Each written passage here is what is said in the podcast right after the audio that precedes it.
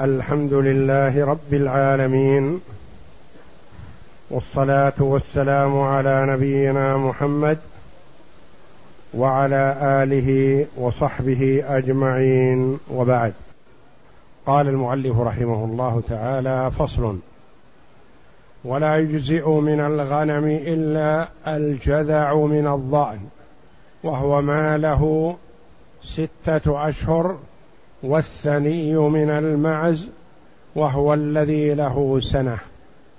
لما روى سعر بن ديسم قال أتاني رجلان على بعير فقالا إنا رسولا رسول الله صلى الله عليه وسلم إليك لتؤدي صدقة غنمك.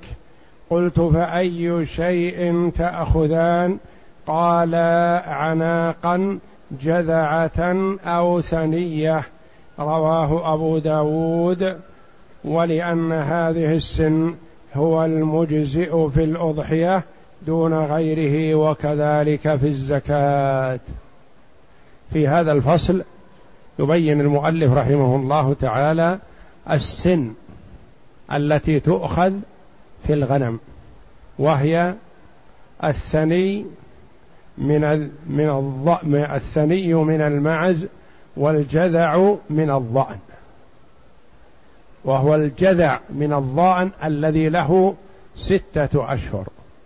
والثني من المعز وهو الذي له سنة. فالجذع ستة أشهر والثني سنة. فيقبل من الظأن ما له ستة أشهر في الصدقة وكذا في الهدي والأضحية. والمعز ما له سنة. وعرفنا السن في البقر وهو ما له سنتان والسن في الإبل وهو ما له خمس سنين. فإن كان في ماشيته كبار وصغار لم يجب فيها إلا المنصوص. هذا في الماشيه عموما إبل وبقر وغنم. إذا كانت كبارا وصغارا فهل تؤخذ الصغار؟ لا. وإنما تؤخذ السن المطلوبة في العدد. لكن بحسب القيمة إذا كانت الماشية كلها كبار فتؤخذ السن المطلوبة على مستوى الإبل كلها أو مستوى البقر أو الغنم. وإذا كانت الماشية فيها صغار وكبار فيؤخذ كبارا لا صغارا وإنما لا تكون هذه الكبار مثل السن ومثل المستوى الذي يؤخذ عن الكبار كلها وإنما يكون أقل مستوى. فمثلا إذا كان عنده خمس وعشرون من الإبل كبار فما هو الواجب؟ بنت مخاض. إذا كان عنده عنده خمس وعشرون من الإبل بعضها كبار وبعضها صغار لأننا نعد الصغيرة كما نعد الكبيرة. كما سيأتي حديث عمر وتقدم لنا عد عليهم الصخلة ولا تأخذها منهم. فإذا كانت الإبل منها خمسة عشر مثلا صغار وخمسة عشر كبار الواجب فيها ماذا؟ بنت مخاض. وتلك ثلاثون مثلا كلها كبار. الواجب فيها بنت مخاض. لكن بنت المخاض في الخمسة عشرة والخمسة عشرة تختلف عن بنت المخاض في الثلاثين الكبار. تكون أقل مستوى. فإن كان في ماشيته كبار وصغار لم يجب فيها إلا المنصوص. يعني الذي نص عليه بنت مخاض بنت لبون إلى آخره. ويؤخذ الفرض بقدر قيمة المالين. بقدر قيمة المالين الكبار والصغار تكون متناسبة مع الاثنين. ولذلك قال عمر رضي الله عنه اعتد عليهم بالسخلة يروح بها الراعي على يديه ولا تأخذها منهم. مثلا جاء المصدق وغنم هذا الرجل ثمانية وعشرون شاة. ثمانية وثلاثون شاة. المصدق نزل عندهم يوما أو يومين. فجاء الراعي من اليوم من غد ومعه سخلتان. كل واحدة أخذها بيد. ولدت قبل ساعة. بلغت أربعين فيأخذ منه المصدق قيمة الشاة. شاة من هذه الأربعين. هل يأخذ السخلة؟ لا. وإنما يعدها في تمام الأربعين. اعتد عليهم بالسخلة يعني يعدها عليهم. إذا كان الرجل غنمه مثلا خمس وثلاثون شاة فولدت خلال يوم أو يومين خمس فبلغت أربعين. يقول فيها الزكاة مثلا تكمل النصاب مثلا أو تقفز بالنصاب من نصاب إلى إلى نصاب آخر مثلا من مئة وعشرين إلى مئة وواحد وعشرين فيكون فيها شاتان ولا يعتد ولا يأخذ السخلة وإنما يعد السخال ولا يأخذها. وأما في موضوع الولادة في أول النصاب الذي هو أربعون فلا لأنه يبدأ الحول من تمام الأربعين ولا يكون المصدق يأخذ شيئا ولا تأخذها منه يعني لا تأخذها من صاحب المال لا تأخذ السخلة وإنما عدها عليهم. فإن كانت كلها صغارا جاز إخراج الصغير لقول الصديق رضي الله عنه لو منعوني عناقا كانوا يؤدونها إلى رسول الله صلى الله عليه وسلم لقاتلتهم عليها. ولا تؤدى العناق إلا عن الصغار. يعني إذا كانت غنمه كلها صغار. ولا يتصور أن تكون كلها صغار إلا إذا أبدلها مثلا. كان مثلا عنده نصاب كبار فأبدل الأربعين من الغنم بمائة وعشرين من الصغار. فالحول ماشي مستمر. كانت غنمه صغار فيؤخذ منها صغيرة يؤخذ منها الواجب صغيرة. والدليل على هذا قول أبي بكر رضي الله عنه لو منعوني عناقا. يقول سأقاتل من منع حق الله جل وعلا ولو كانت الممنوعة عناق. دل على أن العناق يصح أن تأتي في الزكاة ومتى تكون؟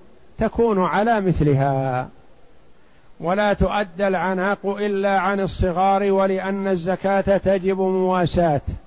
فيها الدليل والتعليل.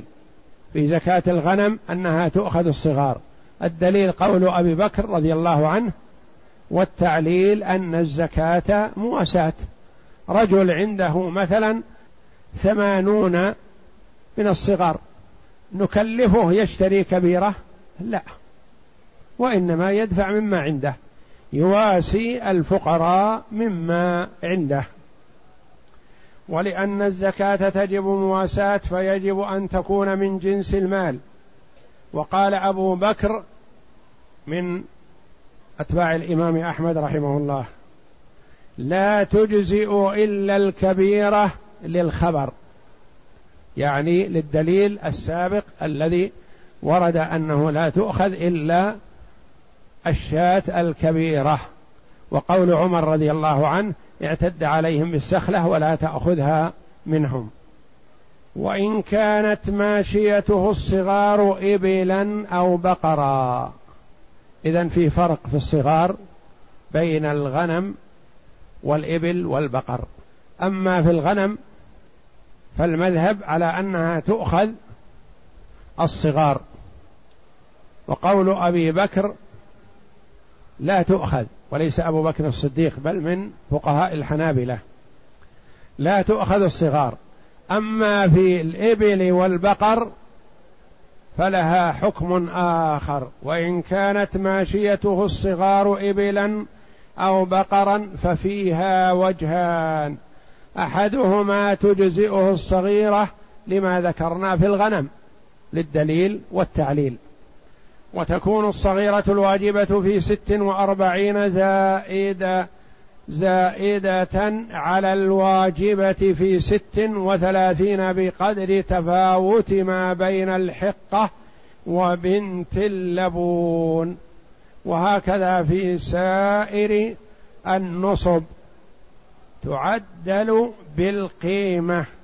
والثاني لا يجزئ إلا كبيرة لأن الفرض يتغير بزيادة السن فيؤدي إلى إخراج الصغيرة فيؤدي إخراج الصغيرة إلى التسوية بين النصابين.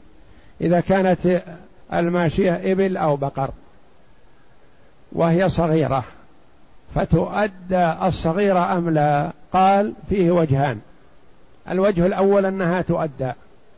طيب إذا قلنا تؤدى فكيف تؤدى عن ست وثلاثين وست وأربعين؟ ست وثلاثين فيها بنت لبون. ست وأربعون فيها بنت مخاض. بنت فيها حقة. فيها حقة. كيف نميز في الصغيرة بين الحقة وبنت اللبون؟ قال تعدل القيمة يعني نأخذ منه في الست والثلاثين إلى خمس وأربعين صغيرة قيمتها مثلا ألف. ونأخذ منه في الست والأربعين إلى الستين. صغيرة كذلك لكن قيمتها أعلى من قيمة تلك بحيث أنها تكون تساوي ألف وخمسمائة أو ألف وأربعمائة. لنميز بين ما يؤخذ في النصاب الثاني مما يؤخذ في النصاب الثالث. فعلى هذا يخرج كبيرة ناقصة القيمة بقدر نقص الصغار عن الكبار. عند من يقول لا يؤخذ إلا كبيرة. حتى وإن كانت الإبل والبقر كلها صغيرة. طيب, طيب كيف يأخذ في الكبيرة مثل ما يأخذ في الصغيرة؟ قال لا. يأخذ كبيرة لكن قيمتها تكون أقل عن إبل وبقر صغيرة مما لو كانت الإبل والبقر كبيرة. الأخذ لا يؤخذ إلا كبيرة. هذا الوجه الثاني. وهذه الكبيرة تكون قيمتها أقل من كبيرة لكبار. فصل. ولا يجيء في الصدقة هرمة. الهرمة هي الكبيرة التي توقفت على الإنجاب. ولا معيبة يعني فيها عيب من العيوب. عورة أو فيها عرج أو فيها مرض. ولا تيس وهو الذكر من المعز. لقول الله تعالى ولا تيمموا الخبيث منه تنفقون ولستم بآخذيه إلا أن تغمضوا فيه. يعني لا تقصدوا إلى الطي... إلى الردي وتعطوه لله وتدخروا لأنفسكم الطيب بل كما قال الله جل وعلا لن تنالوا البر حتى تنفقوا مما تحبون. وروى أنس في كتاب الصدقات ولا يخرج في الصدقة هرمة ولا ذات عوار يعني ذات عيب ولا تيس وهو الذكر من المعز. وروى أبو داود عن النبي صلى الله عليه وسلم أنه قال ثلاث من فعلهن فقد طعم طعم الإيمان. من عبد الله وحده وأنه لا إله إلا هو وأعطى زكاة ماله طيبة بها نفسه رافدة عليه كل عام. هذا هو الشاهد. ولم يعط الهرمة ولا الدرنة ولا المريضة ولا الشرط اللئيمة. ولكن من وسط أموالكم فإن الله لم يسألكم خيره ولم يأمركم بشره. وكما قال النبي صلى الله عليه وسلم لمعاذ رضي الله عنه وإياك وكرائم أموالهم. يعني لا تأخذ الغالي النفيس. وكذلك لا يقبل الردي. والشرط رذالة المال والدرنة الجربة الدرنة يعني التي فيها درن فيها مرض جرب أو غيره. فإن كان بعض النصاب مريضا وبعضه صحيحا لم يؤخذ إلا صحيحة على قدر المالين. مثلا عنده عشرون مريضة. وعشرون سليمة. لا نأخذ منه مريضة ولا نأخذ منه سليمة غالية وإنما سليمة متوسطة الحال تكون أقل من قيمة لو كانت الغنم كلها سليمة. فمثلا إذا كان عنده أربعون من الغنم سليمة طيبة ناخذ منه شاة من الوسط. قيمتها خمسمائة ريال مثلا. إذا كانت الغنم مثلا عشرون سليمة وعشرون مريضة. المريضة قيمتها مثلا مئتان. والسليمة قيمتها ست. وغنمه متوسط فيها نصف هذا ونصف هذا. لا نأخذ منه شاة من الغنم الجيدة ولا من وسط الجيدة. ولا نأخذ من المريضة وإنما نأخذ سليمة متوسطة الحال بين المالين يعني قيمتها ثلاثمائة ريال. وإن كان كله مريضا أخذت مريضة منه يعني إذا كان كل غنمه مريضة فلا يكلف الله نفسا إلا وسعها نأخذ منها واحدة أيا كانت. لا نكلفه بأن يشتري وهذه غنمه. وقال أبو بكر لا يؤخذ إلا صحيحة بقيمة المريضة. نقول ابحث لنا عن صحيحة. لا نقبل المريضة لكن لا تكن صحيحة غالية وإنما تكون صحيحة رخيصة القيمة. والقول في هذا كالقول في الصغار يعني إذا كانت الإبل بعضها صغار وبعضها كبار أو مثل بعضها مريضة وبعضها صحيحة. فصل. ولا يؤخذ في الصدقة الربا وهي التي تربي ولدها يعني التي ترضع. يرضعها ولدها لا نأخذها لأن لا نأخذها منه هي والولد ولا نأخذها ونترك الولد لا مرضع له وإنما نتركها له. وهذه تكون غالية عند أهلها وتكون فيها اللبن والمنيحة. فالربا قيل فيها التي تربي ولدها وقيل التي تبقى في البيت تعلف من أجل أن تحلب لأنها تكون أكثر حليب فتوفر. ولا الماخذ وهي التي فيها حمل وهي الحامل. ولا, ولا التي طرقها الفحل. يعني علاها الذكر لأنها محتمل أن تكون حملت. لأن الغالب أنها حامل ولا الأكولة. الأكولة كثيرة الأكل. كثيرة الأكل تكون في العادة سمينة وتكون غالية. لأن من أراد أن يشتري البهيمة يسأل عن ضرسها. كيف يسأل عن ضرسها؟ عن أكلها. هل هي تأكل كل علف وكل نوع من أنواع العلف؟ فهذه غالبا تسمن وإذا كانت لا تأكل إلا يسير أو تأكل نوعا خاص من الأكل هذه لا تسمن يقول الشاعر نفس تعاف غذاءها لا تسمن وإرادة تخشى الردى لا تسمن. إرادة تخشى الردى لا تسمن. يعني تحتاج يحتاج الأمر إلى شيء من المخاطرة والعزم ولا الأكولة نوفرها لصاحبها ولا نأخذها منه لأنها غالية عليه وهي السمينة ولا فحل الماشية المعد لضرابها. لا نأخذ الفحل الذي أعده صاحب الماشية لضراب ماشيته لأنه محتاج إليه. ولا حزرات المال.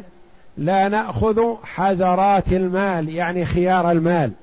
الرجل مثلا يكون عنده مئة من الإبل عنده عشر متميزة. نقول أعطنا الزكاة من هذه العشر المتميزة؟ لا. وهي خياره تحرزه العين لحسنه يعني تحار مثل ما يقال تحار فيه العين. عنده إبل تحار فيها العين. يعني إذا نظرت إليها ما استطاعت أن تعدوها لجمالها وحسنها ونحو ذلك. لقول النبي صلى الله عليه وسلم لمعاذ إياك وكرائم أموالهم متفق عليه. يعني احذر أن تأخذ الشيء الغالي النفيس عندهم. وقوله صلى الله عليه وسلم إن الله لم يسألكم خيره وقال عمر رضي الله عنه لساعيه لا تأخذ الربا ولا الماخذ ولا الأكولة ولا فحل الغنم. قال الزهري إذا جاء المصدق قسم الشاء أثلاثا. قال الزهري إذا جاء المصدق عليه أن يقسم الماشية أثلاثا. ثلث خيار وثلث ردي وثلث وسط من أين يأخذ؟ من الوسط. إذا جاء المصدق قسم الماشية أثلاثا. ثلثا خيارا وثلثا شرارا وثلثا وسطا. ويأخذ المصدق من الوسط.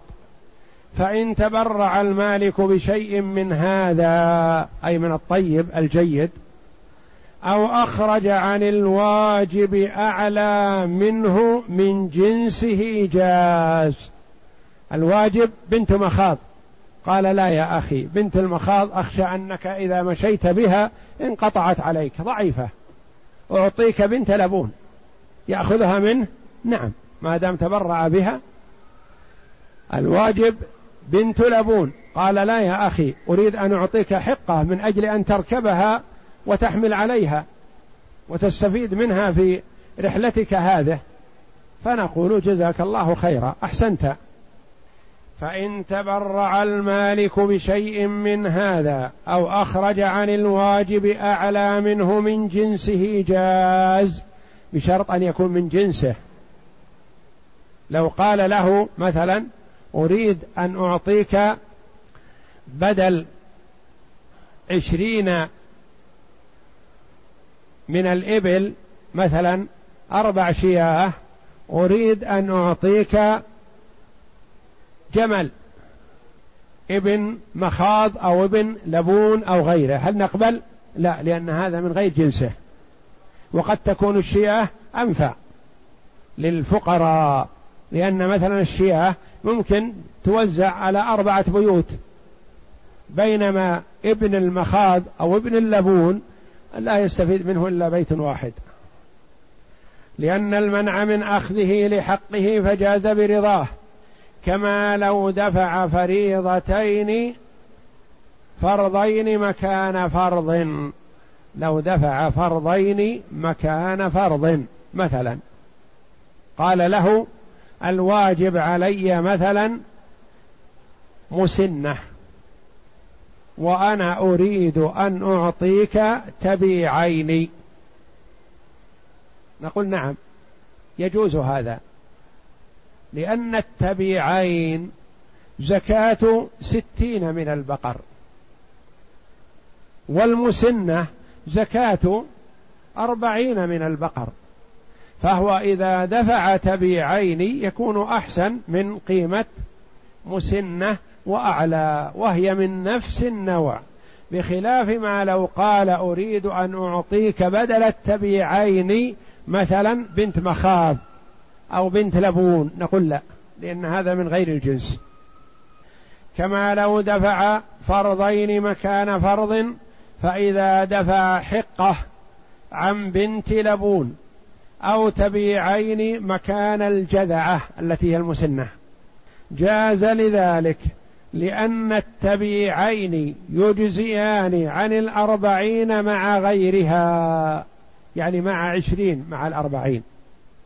التبيعين زكاة أربعين وعشرين فهو دفعها عن أربعين عن مسنة تجزئ. لأن التبيعين يجزئان عن الأربعين مع غيرها من من البقر. فلأن يجزئ عنها مفردة أولى ما دام أن التبيعين يجزيان عن الستين فإجزاؤهما عن الأربعين الواجب فيهما مسنة من باب أولى وقد روى أبو داود عن أبي بن كعب أن رجلا قدم على النبي صلى الله عليه وسلم فقال يا نبي الله أتاني رسولك. يعني المصدق ليأخذ مني صدقة مالي. فزعم أن ما علي فيه بنت مخاض فعرضت عليه ناقة فتية سمينة. فقال له رسول الله صلى الله عليه وسلم ذاك الذي وجب عليك فإن تطوعت بخير أجزاك آجرك الله فيه وقبلناه منك. فقال فها هي ذه يا رسول الله. فأمر رسول الله صلى الله عليه وسلم بقبضها ودعا له بالبركة. هذا الرجل جاءه المصدق فقال أريد منك بنت مخاض. فقال له يا أخي بنت المخاض هذه إذا مشيت من عندي انقطعت بك وأتعبتك. هذه ناقة فتية سمينة. خذها. قال لا. لا أريد أن آخذ إلا ما أمرني الرسول صلى الله عليه وسلم به. فكلاهما متمسك بحق. المصدق لا يريد أن يأخذ أكثر مما أمر به. يخشى أن يكون في هذا ظلم على صاحب الإبل. صاحب الإبل متبرع متطوع. فأبى أن يعطيها الضعيفة وذاك أبى أن يقبل منه الكبيرة. فما وسعه إلا أن يذهب إلى النبي صلى الله عليه وسلم بالمدينة. خشية أن ينزل فيه شيء. الله عليه وسلم كأنه يشتكي المصدق. يقول يريد أن يأخذ مني ضعيفة وأنا أبيت. إلا أن أعطيه القوية. فأمرك يا رسول الله. قال إن ذاك الواجب عليك اللي هو بنت مخاض كما قال المصدق. لكن إذا أعطيت أكبر آجرك الله وقبلناها منك نحن. فقال هي ذه يا رسول الله يعني خذها. فأمر الرسول صلى الله عليه وسلم بقبضها تبع الصدقة. فدل هذا على أن المرأة إذا أعطى أكثر فذلك حسن وخاصة في باب الصدقات. فمثلا كفارة اليمين خمسة عشر كيلو من قوت البلد. إذا أخرج عن كفارة اليمين مثلا كيس رز أو بر أو غير ذلك من الأطعمة فهذا خير وأفضل وأحسن. وهكذا وإذا كانت صدقة ماله مثلا ألف ريال فأخرج بدل الألف ألفين. فهذا خير. وهكذا فالزيادة في باب الصدقات مستحب ويؤجر عليه صاحبه ويكفر الله جل وعلا عنه به ما حصل من تقصير فيما مضى إن كان حصل تقصير. بخلاف الزيادة في الأفعال البدنية فلا. صلاة الظهر أربعة أراد أن يجعلها ست. لا هذا لا يصح. صيام رمضان مثلا ثلاثون يوما أراد أن يصوم يومين قبله ويومين بعده. نقول لا هذا حرام. فالأفعال البدنية لا نزيد فيها ولا ننقص. أفعال الحج كذلك لا نزيد فيها ولا ننقص. إلا ما ورد إباحة تكراره كالطواف. لكن لو اعتقد أنه يحسن أن يقف في عرفة أكثر من يوم عرفة قبله شيء أو بعده شيء نقول له هذا محرم ولا يجوز. فلا تجوز الزيادة في الأفعال البدنية وإنما في الأفعال الأشياء المالية لأنه يتعدى نفعها. فصل ولا تجزئ القيمة في شيء من الزكاة. لا تجزئ القيمة في شيء من الزكاة إلا فيما ورد. بين سن وسن مثلا وكما تقدم شاتان أو عشرون درهما. وأما أن يكون الواجب عليه بنت مخاض. ويقول لا يا أخي عندي بنت مخاض لكن أريد أن أعطيك بدلها ألف ريال. هي لا تساوي بنت المخاض مثلا إلا ثمانمائة ريال. وأنا أريد أن أعطيك بدلها ألف ريال. نقول لا. لا يجوز. فلا يخرج القيمة وإنما يخرج العين. ولا تجزئ القيمة في شيء من الزكاة وعنه يجزئ لأن المقصود غنى الفقير بقدر المال والأول هو المذهب الذي هو القول بأنها لا تجزئ القيمة والقول الآخر أنها تجزئ. ومع من قال تجزئ التعليل فقط. والأول هو المذهب لأن النبي صلى الله عليه وسلم ذكر هذه الأعيان المنصوص عليها بيانا لما فرضه الله تعالى. ولم يقل الواجب بنت مخاض أو خمسون درهما أو أقل أو أكثر. فإخراج غيرها ترك للمفروض. وقوله فإن لم تكن بنت مخاض فابن لبون ذكر. دل على أنها لا تؤخذ القيمة لأنه انتقل من بنت المخاض لابن اللبون ولم يذكر دراهم ولم يذكر دنانير مع وجود الدراهم والدنانير. ومثل هذا كذلك صدقة الفطر. النبي صلى الله عليه وسلم نص على خمسة الأصناف فلا تجزئ الدراهم مع أن الدراهم والدنانير كانت موجودة ولم يقل صلى الله عليه وسلم صاع من كذا أو صاع من كذا أو ثلاثة دراهم أو ربع دينار أو نحو ذلك وإنما نص على الطعام. وقوله فإن لم تكن بنت مخاض فابن لبون ذكر يمنع إخراج ابن اللبون مع وجود ابنة المخاض ويدل على أنه أراد العين دون المالية. أراد العين دون المالية يعني أراد عين الزكاة ما أراد الدراهم والدنانير. فإن خمسا وعشرين لا تخلو عن مالية ابنة مخاض وإخراج القيمة يخالف ذلك. فلم يذكر صلى الله عليه وسلم بدل بنت المخاض دراهم مالية وإنما انتقل من بنت المخاض إلى ابن اللبون. ويقضي إلى إخراج الفريضة مكان الأخرى من غير جبران. وإخراج القيمة يخالف ذلك. ويفضي إلى إخراج الفريضة مكان الأخرى من غير جبران. يعني إذا كانت مثلا المطلوب منه بنت لبون وأعطى قيمة مثلا. بدل ما لو كانت ما عنده بنت لبون نأخذ منه بنت مخاض ونأخذ منه جبران. فكوننا مثلا ننتقل إلى فريضة أدنى أو أعلى ونعطي أو نأخذ هذا نص من الشارع. ولو أن القيمة جائزة مثلا ما احتجنا إلى هذه العملية. قلنا ما يوجد عنده بنت مخاض نأخذ منه ديناران أو خمسة دراهم أو أقل أو أكثر. ما وردت القيمة أصلا فلا يرجع إليها. ثم الحديث الآتي كذلك.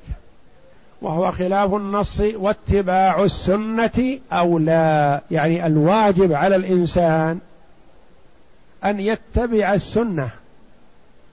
مهما وجد إلى ذلك سبيلا ولا يتأول أو ينحرف عنها أو يتركها لتعليل أو نحو ذلك لأن ما ورد فيه الشرع لا ينبغي أن يكون للعقل فيه تصرف من حيث زيادة أو نقص ونحو ذلك. وإنما نعقل العلة ونتعرف عليها لكن لا نصرف الأمر إلى غيره. واتباع السنة أولى. وقد روي عن معاذ أن النبي صلى الله عليه وسلم لما بعثه إلى اليمن قال خذ الحب من الحب والشاة من الغنم والبعير من الإبل والبقرة من البقر. رواه أبو داود. هذا الحديث نص في الموضوع. يعني خذ الحب من الحب لا تأخذ دراهم. وخذ الشاة من الغنم والبعير من الإبل والبقرة من البقر. يعني خذ كل زكاة من نوعه ولا تنتقل إلى شيء آخر. رواه أبو داود. والله أعلم. وصلى الله وسلم وبارك على عبده ورسول نبينا محمد وعلى آله وصحبه أجمعين.